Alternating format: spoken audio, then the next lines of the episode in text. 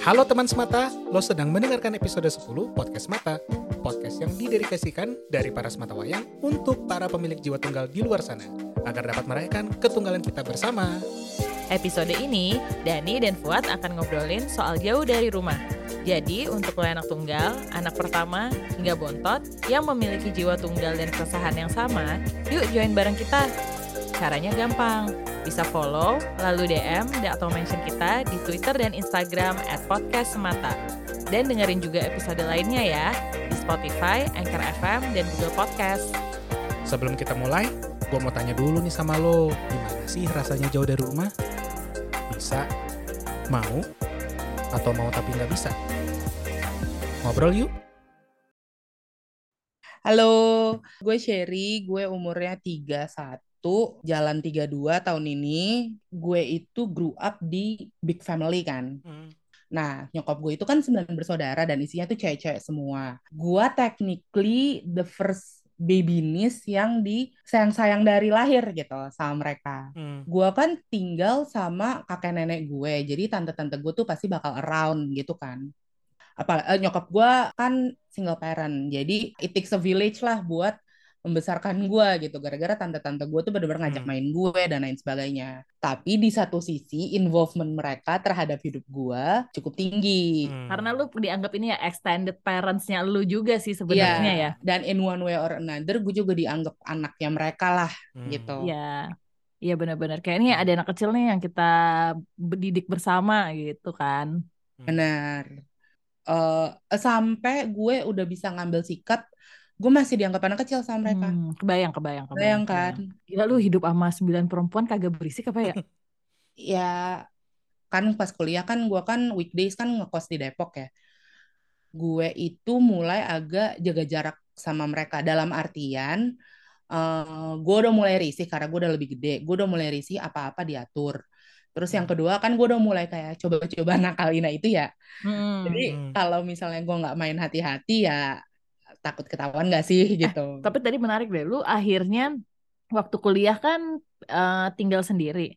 Nah Hmm. tuh kalau lu akhirnya bisa karena nih ya menurut pengalaman gue sebagai anak tunggal, mungkin Hmm. Ford juga mengalami hal yang sama. Hmm. Susah banget cuy. Lu izin ngekos aja tuh Iya. berat loh. Bener banget dan bener asli-asli. Kayak Fuad tuh ke- untung karena kuliahnya di Bandung. Nah, lu kan sebenarnya masih di Jakarta nih ya, Depok hitungannya Jakarta Nah, lah ya. Jadi gini, kan saudara-saudara gue nggak ada yang punya anak seumuran gue kan. Dia Hmm. nggak punya benchmark. Dia itu selalu benchmarkin teman SD gue yang merupakan tetangga gue. Nah, salah satu dari lima anak itu ada yang kuliah di UI, setahun di atas gue. Ibunya bilang, Kerry ngekos aja tahu mbak, soalnya di UI tuh eh, di FE terutama itu tuh kuliah sampai malam. Karena suka ada asistensi kan kalau di FE, apalagi Hmm. first two years lah. Itu tuh bisa sampai kayak abis maghrib, abis maghrib kayak gitu. Kalau Oh. misalnya lu nggak bisa eh, antar jemput tiap hari, mending lu suruh dia ngekos aja. Karena kalau misalnya lo expect dia buat naik eh, kereta atau apa, dia bakal capek nggak bisa belajar gitu. Jadi ada yang nge-vouch nih buat lifestyle ngekos gue. Lu sayang banget gak sih sama tetangga lu itu? Dia memberikan ide boleh ngekos. Enggak juga, kenapa? Karena tanpa dia ngomong kayak gitu, gue udah pasti bakal bersikeras buat ngekos sih. Dan Oh, oke oke oke. Ya, artinya lo keluar dari rumah, lo ngekos itu karena sesimpel that's a logical thing to do aja gitu, bukan didasari kayak emang hasrat pengen kabur dari rumah gitu. Agenda adulthood pertama gua setelah gua ngerasain senangnya di SMA, punya banyak temen, itu adalah kabur dari rumah gitu. Berarti bukan dari situ nah, kan ya? waktu lulus SMA, gue tuh nggak tahu nih punya freedom sama nggak punya freedom bedanya Hmm, kayak Iya, bedanya apa lo nggak tahu. Jadi sebenarnya lo juga tidak menunjukkan indikasi apa pun ke nyokap lo bahwa lo ada ke- kecenderungan pengen cabut dari rumah dan nyokap lo juga pasti nggak ngerasain oh anak gue kayaknya fan-fan aja ya kan? Betul. Eh, nyokap gue pas gue SMA dan kuliah justru jauh lebih santai dibandingkan dengan setelah gue lulus kuliah. Hmm, Sekarang gini, anak cewek hmm, dandan total ya, berangkat jam 11 malam Hmm. katanya ulang tahun temen di kafe ya, Udah dugem gak sih? Udah pasti dugem gak sih? Iya, iya. Terus dikasih izin sama dia. Oh. Yang penting dia tahu gue pulang sama siapa atau gue nginep di rumah siapa. Titik gitu. Jadi Iya, iya. Waktu awal-awal ngekos tuh gue nggak ngerasa gue butuh kabur gitu. Sampai gue merasa bahwa oh pergi-pergi kagak usah izin ya. Hmm. Karena kalau lo izin-izin izin-izin terus menerus tiap minggu kan agak nggak enak juga ya. Ya, ya, ya, ya. Hmm, ditanya ngapain lu pergi mulu? Ada apaan Hmm. nih? Pasti kan jadinya menimbulkan pertanyaan lain kan. Hmm, Kalau hmm, kayak gitu. Lu pacaran sama siapa? Eh, lu ngapain? Iya. gitu-gitu kan. Kalau lu terus-menerus minta izin. Nah, sedangkan ternyata gue baru sadar. Oh, kalau gue ngekos, gue pulang weekend, at least kan Jumat suka nggak ada kelas tuh. Mm. Kamis malam ke The Hoy, Jumat Eh. malam ke apa tuh dan tempat dugem yang di bawahnya Sensi dulu. Oh, domain. Lu tahu nggak udah berubah jadi tempat pijet? Terus itu mau ke Shy Rooftop asik kan. Anjir. Nggak perlu izin. Rusak, gitu. rusak. Paling izinnya yang Sabtu malamnya aja gitu. Iya, Hmm. iya, iya, iya. Tapi nyokap lo sebenarnya buat ukuran punya anak tunggal lumayan ini ya, lumayan Karena dia liberal ya. sama gue. Dia karena nggak ada tanda-tanda sejak kecil itu dia emang pengen jauh dari rumah gitu. Cuman yang gue nggak tahu adalah kenapa itu bisa berubah gitu. Yang tadinya sebelumnya nggak posesif, terus sekarang bisa jadi posesif. Nah itu tuh gimana? Ada kejadian apa gitu? Ini ada dua, ini ada dua, ini sih dua reason sih menurut gue ya. Satu, dia ngerasa oh nih anak udah adult, kayaknya ada probabilitas dia eh, pisah memisahkan diri dari gue Oke. atau enggak makin menjaga jarak dari gue. Hmm. Jadi dia malah makin posesif gitu. Hmm. Dan yang kedua, Hmm. dia udah mulai eh, keracunin cerita-cerita Hmm. kayak Afriani nabrak orang. Terus Anjir itu referensi jadul banget anjing.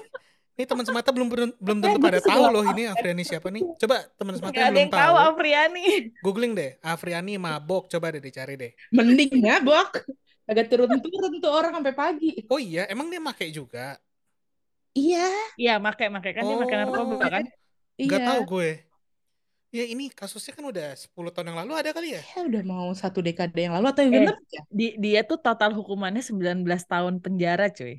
Hmm. Allah. Dari 2013, eh 2012 tuh Hmm. tahun baru kan Ini gue dia. sambil buka Google nih. Terus belum lagi Al Eldul. Hmm. Ingat gak sih Al Eldul eh, Ingat ingat ingat zaman dulu.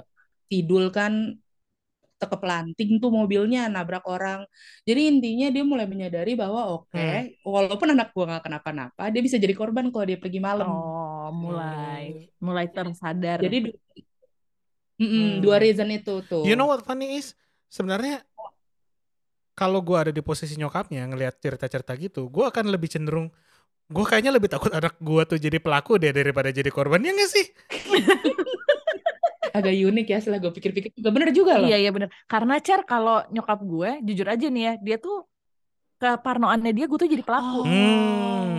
Si Dani lagi kan si sabar banget tuh kalau udah di jalan tuh lagi nyetir bawa mobil. Nah, itu Sabar dia jadi kayak banget nih kan calon-calon pelaku nih nih daripada dia jadi pelaku, kenapa-kenapa mendingan mesti direm nih gitu. Tapi kalau mak lu kan mikirnya lu jadi Hmm. korban Pendapat ya. dia itu kayak mau lu anteng-anteng Hmm. aja kalau lu pergi malam sial lu banyak Iya, gitulah. iya, iya. Ya apalagi kalau ternyata pelakunya si Dani korbannya lulus ya.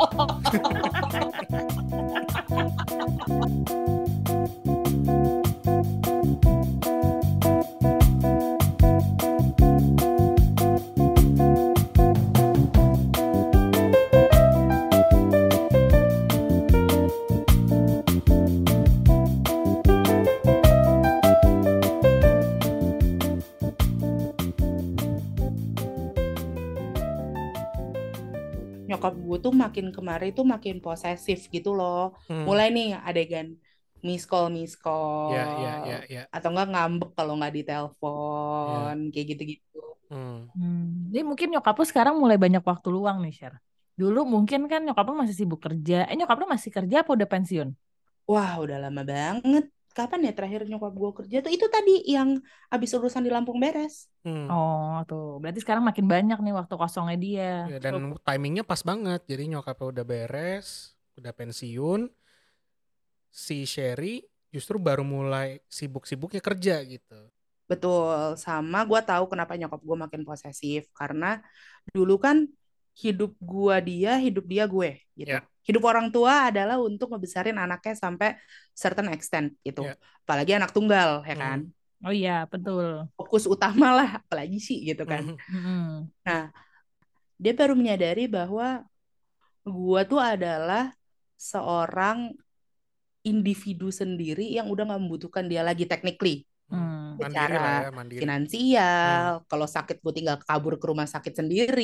Ya, ya, ya. Dan lo tau lah anak tunggal itu kan dididik untuk Hmm. se-independen itu kan. Ya, Jadi ya, tuh ya, gue ya, ya. hampir nggak pernah tuh minta tolong atau minta sesuatu sama nyokap gue lagi. Di situ dia Hmm. mulai agak bruce kali ya egonya, jadi makin posesif. Iya, Iya, iya, iya, karena iya. rasa dari ketergantungan itu udah mulai berkurang seiring kita makin independen kan. Bukannya Hmm. kita bilang bahwa kita nggak nggak butuh orang tua lagi ya, cuman tingkat independensinya udah mulai berkurang seiring kita berdewasa. Dan karena kita nggak punya adik, rasa kekosongan atas kendali terhadap anak itu selesai di anak pertama, di anak tunggal aja selesai gitu.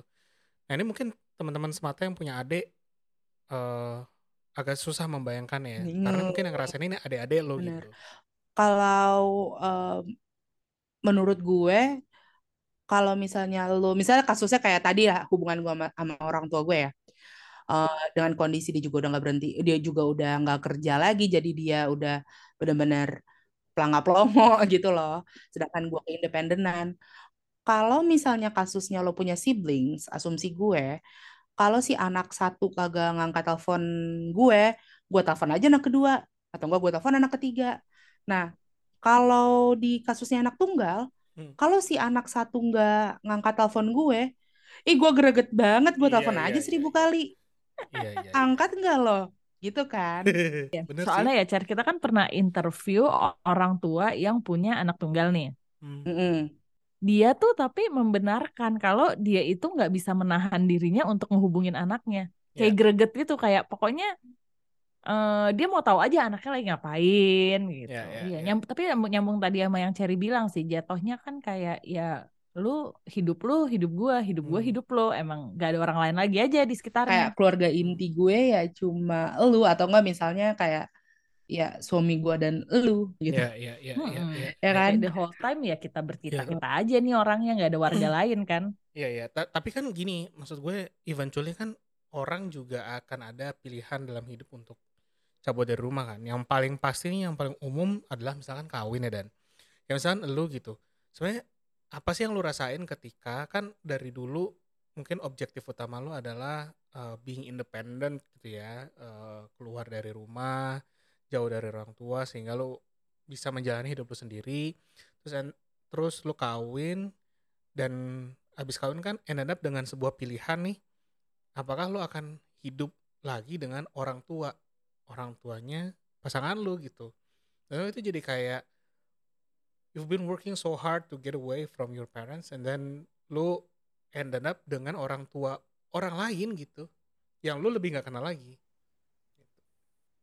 itu gimana? tergantung orang tuanya Fu Hmm, karena gue menyadari nih ya ini ini yang baru gue sadarin ketika gue habis menikah gimana gimana? Karena jujur aja nih ya dari hati gue yang terdalam Hmm. gue tuh nyambung banget loh ngobrol sama mertua gue Iya. terus? Pede- karena gue tuh apa ya karena orang mertua gue tuh demen ngobrol orangnya Oke oke. Lah Dan- orang tua gua- orang tua lu begitu juga pan? menurut El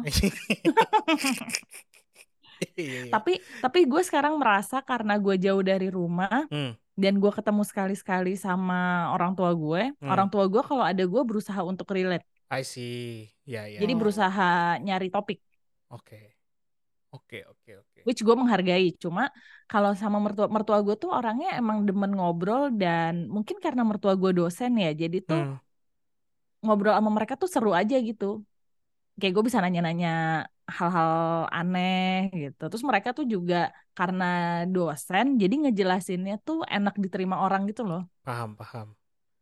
Kayak biasa ngajar gitu kan jadi mungkin ya gue di treat kayak ah ini mahasiswa gue nih lagi nanya-nanya gitu gitu jadi kayak tergantung orang tuanya lagi sih menurut gue ya tipikal ininya emang jadinya case by case sih karena Hmm, hmm, hmm. ya kalau misalnya orang tua sebenarnya sih orang tua gue pun itu tipe yang low maintenance ya jadi kalau misalnya emang Mhm. suami gue datang ke rumah gue tuh Hmm. ya nggak diajak ngomong yang penting orangnya ada aja di situ Oh. Oh.